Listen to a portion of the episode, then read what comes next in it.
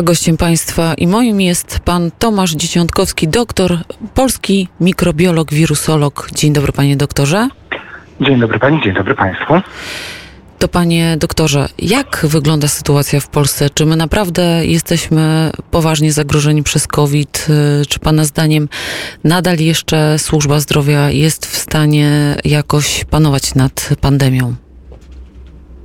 To znaczy, e, system opieki zdrowotnej żadnego kraju nie wytrzyma e, za długo obciążenia, jeżeli powtórzyłby się wariant chociażby z Lombardii. To już wykazały prognozy Europejskiego Centrum Kontroli Chorób Zakaźnych i Prewencji, e, które zostały poczynione na przełomie marca i kwietnia. Natomiast no, póki co nie obserwujemy tej zapaści jeszcze w Polsce to jest wariant, to jest, to jest, to jest wersja optymistyczna. Sytuacja w Paryżu staje się groźna, a my co możemy zrobić? Co przeciętny mieszkaniec Polski może zrobić, żeby jednak e, się jakoś zabezpieczyć? Czy Pana zdaniem maseczki, dezynfekcja rąk e, i słynne dwa metry, których no, powiedzmy sobie uczciwie rzadko przestrzegamy, są skuteczną, e, skutecznym zabezpieczeniem? Czy możemy się jakoś wzmocnić? Może są jakieś witaminy, sposób zachowania, odżywiania, który nas może uchronić przed chorobą? E, niestety tu pragnę Państwa rozczarować. Nie ma środków farmakologicznych, które by w jakikolwiek sposób, zwłaszcza w krótkoterminowej perspektywie, wzmacniały naszą odporność. Suplementacja z witaminami nic specjalnie nam nie pomoże. E, wszystkie zachwalane parafarmaceutyki e, również nam nie pomogą proces poprawy od układu odpornościowego i jeżeli chcemy to zrobić w wariancie niespecyficznym e, i jest rozłożony, jest rozłożony tak naprawdę na miesiące, o ile nie na lata. Musimy zdrowo się odżywiać. Musimy prowadzić higieniczny tryb życia. Unikać stresu. Wysypiać się. Wszystko to jest niezmiernie trudne w obecnych czasach, nie mówiąc już akurat o, e, o tym, jak to wygląda w dobie pandemii. E, I niestety tutaj muszę wyraźnie podkreślić, dopóki nie będzie specyficznej szczepionki albo konkretnego celowanego leczenia przeciwko SARS-CoV-2, pozostają nam tylko te metody niefarmakologiczne, czyli e, stosowanie dystansu społecznego, prawidłowe i powszechne noszenie maseczek i również przestrzeganie tych zasad dezynfekcji rąk i powierzchni. Nic innego tutaj nam nie pomoże w ograniczeniu transmisji wirusa. No może poza e, izolacją i kwarantanną, jeżeli u kogoś już stwierdzimy zakażenie.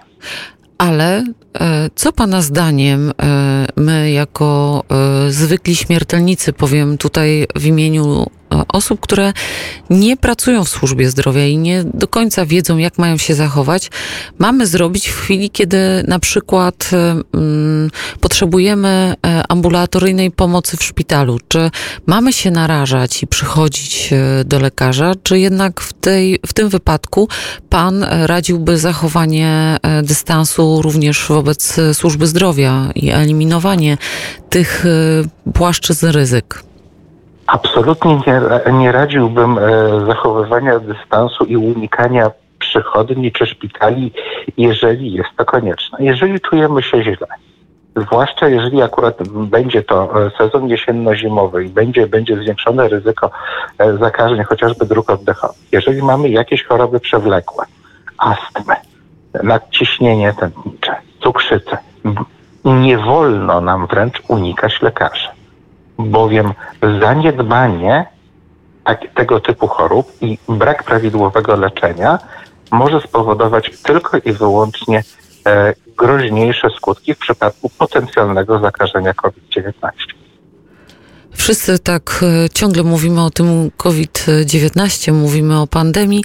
Tymczasem e, rozpoczęła się w Polsce, na szczęście dziś w Warszawie piękna złota jesień, ale jesień jako ten moment, kiedy wirusy, bakterie ruszają e, w świat i atakują nasze organizmy. Co poza e, COVID-em, e, jaki wirus w tej chwili Pana zdaniem jest najgroźniejszy? Czy to jest wirus grypy? E, na grypę jest jeszcze odrobinę za wcześnie. Sezon zakażeń grypowych zaczyna się zazwyczaj w drugiej połowie października. Pierwszy taki trochę mniejszy pik zachorowań jest na przełomie listopada i grudnia. Drugi większy i gorszy e, to jest, e, to jest na przełomie lutego i marca.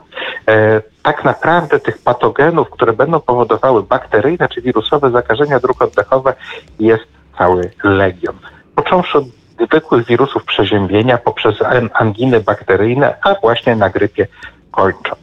E, I czy to coś tutaj możemy zrobić? No, w przypadku e, zakażenia, czy też akurat prewencji zakażeń wirusami grypy, możemy niestety próbować dostać tą nieszczęsną szczepionkę, z którymi są po prostu problemy i wiem, zdaję sobie z tego sprawę.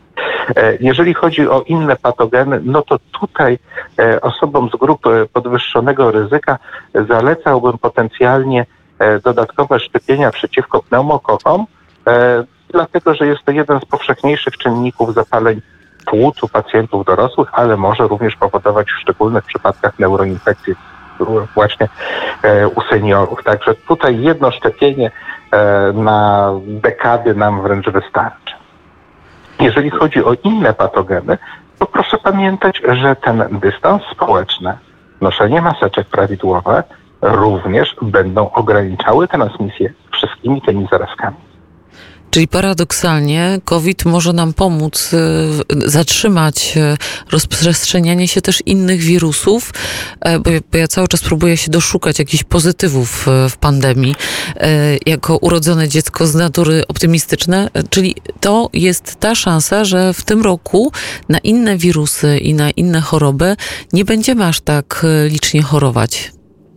Ależ oczywiście, to jest wartość dodana. Ma tutaj pani całkowitą rację, bo na przykład e, dane e, epidemiologiczne za pierwszą połowę tego roku wskazują, że e, mieliśmy daleko mniejszą częstość zakażeń wirusami grypy i wirusami grypopodobnymi niż w latach poprzednich.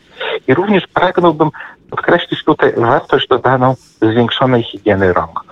Otóż w pierwszym półroczu tego, w pierwszym półroczu spadła o prawie 30% częstość zakażeń wywoływanych przez tak zwane patogeny brudnych rąk. Żółtaczki pokarmowej, biegunek wirusowych, czy zakażeń bakteriami z rodzaju salmonella.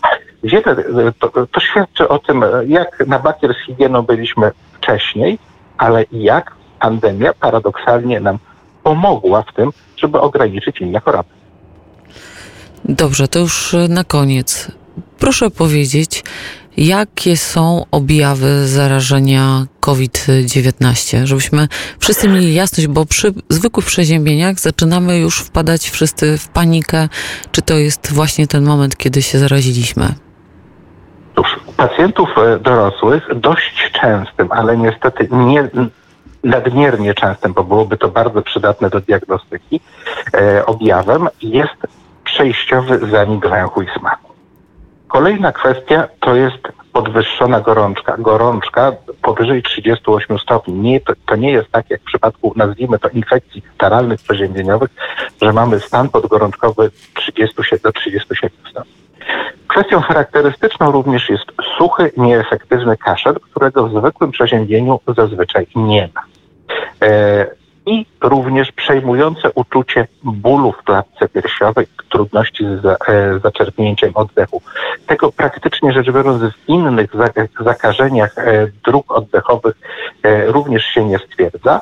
Natomiast paradoksalnie stosunkowo łatwo, do, do, łatwym objawem, który pozwala rozróżnić przeziębienie a zakażenia wirusami grypy czy też COVID-19 jest brak w przypadku tych dwóch ostatnich, praktyczny brak kataru jako takiego. Ich odruch kichania katar e, nie występuje czy przy zakażeniach grypy, czy przy zakażeniach e, koronawirusem SARS-CoV-2.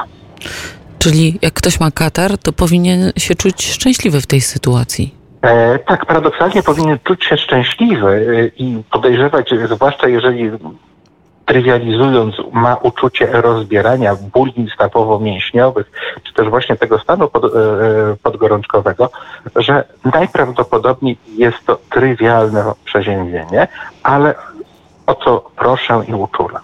W dobie COVID-19, jeżeli stwierdzimy u siebie albo u swoich bliskich, również u dzieci. Tego typu objawy przeziębieniowe nie faszerujmy się, jak to często bywało, lekami przeciwko gorączk- przeciwgorączkowymi y, i przeciwzapalnymi i nie idźmy do pracy, czy nie, po, nie posyłajmy nasi, naszych pociech do szkoły. E, Pamiętajmy o dwóch rzeczach. W dobie COVID-19 każda choroba może spowodować dodatkowe obciążenie dla systemu opieki zdrowotnej. Jest to po prostu niepotrzebne. Zostańmy w takiej sytuacji w domu. E, Również, jeżeli posyłamy dzieci do szkoły, proszę pamiętać o tym, że inne dzieci, inni rodzice i zwłaszcza nauczyciele mogą no, mm, trochę panicznie reagować na każdy y, zwiększony odruch kaszlu czy kichania u jakiegokolwiek pacjenta, e, który, który znajdzie się w murach szkoły, nawet jeżeli będzie to spowodowane zwykłym podrażnieniem, nie mówiąc o przeziębieniu. Czyli zostańmy w domu, zachowajmy się rozsądnie. Nie, y, też może zaapelujmy, że samodzielne mm, spożywanie antybiotyków nie jest y, O, to bezwzględnie. Tutaj bardzo, bardzo słuszny temat podniosła pani redaktor. E, Proszę pamiętać, w zakażeniach wirusowych stosowanie antybiotyków nie przynosi praktycznie rzecz biorąc żadnego pożytku. Antybiotyki są lekami, które działają na bakterie. W związku z tym stosowanie ich przy przeziębieniu, ewentualnie w ramach profilaktyki e, na samym początku grypy przyniesie tylko i wyłącznie więcej szkód dla naszego organizmu, ponieważ wyjałowi naszą naturalną florę bakteryjną niż pożytku. Bardzo serdecznie panu doktorowi dziękujemy. Gościem państwa i moim był pan Tomasz Dzieciątkowski, polski wirusolog. Bardzo serdecznie dziękuję i wszystkiego dobrego, panie doktorze. Dziękuję i dużo zdrowia dla wszystkich Państwa. A teraz e, współczesna wersja e, przeboju z lat 80. Gołębi Puch, e, męskie granie.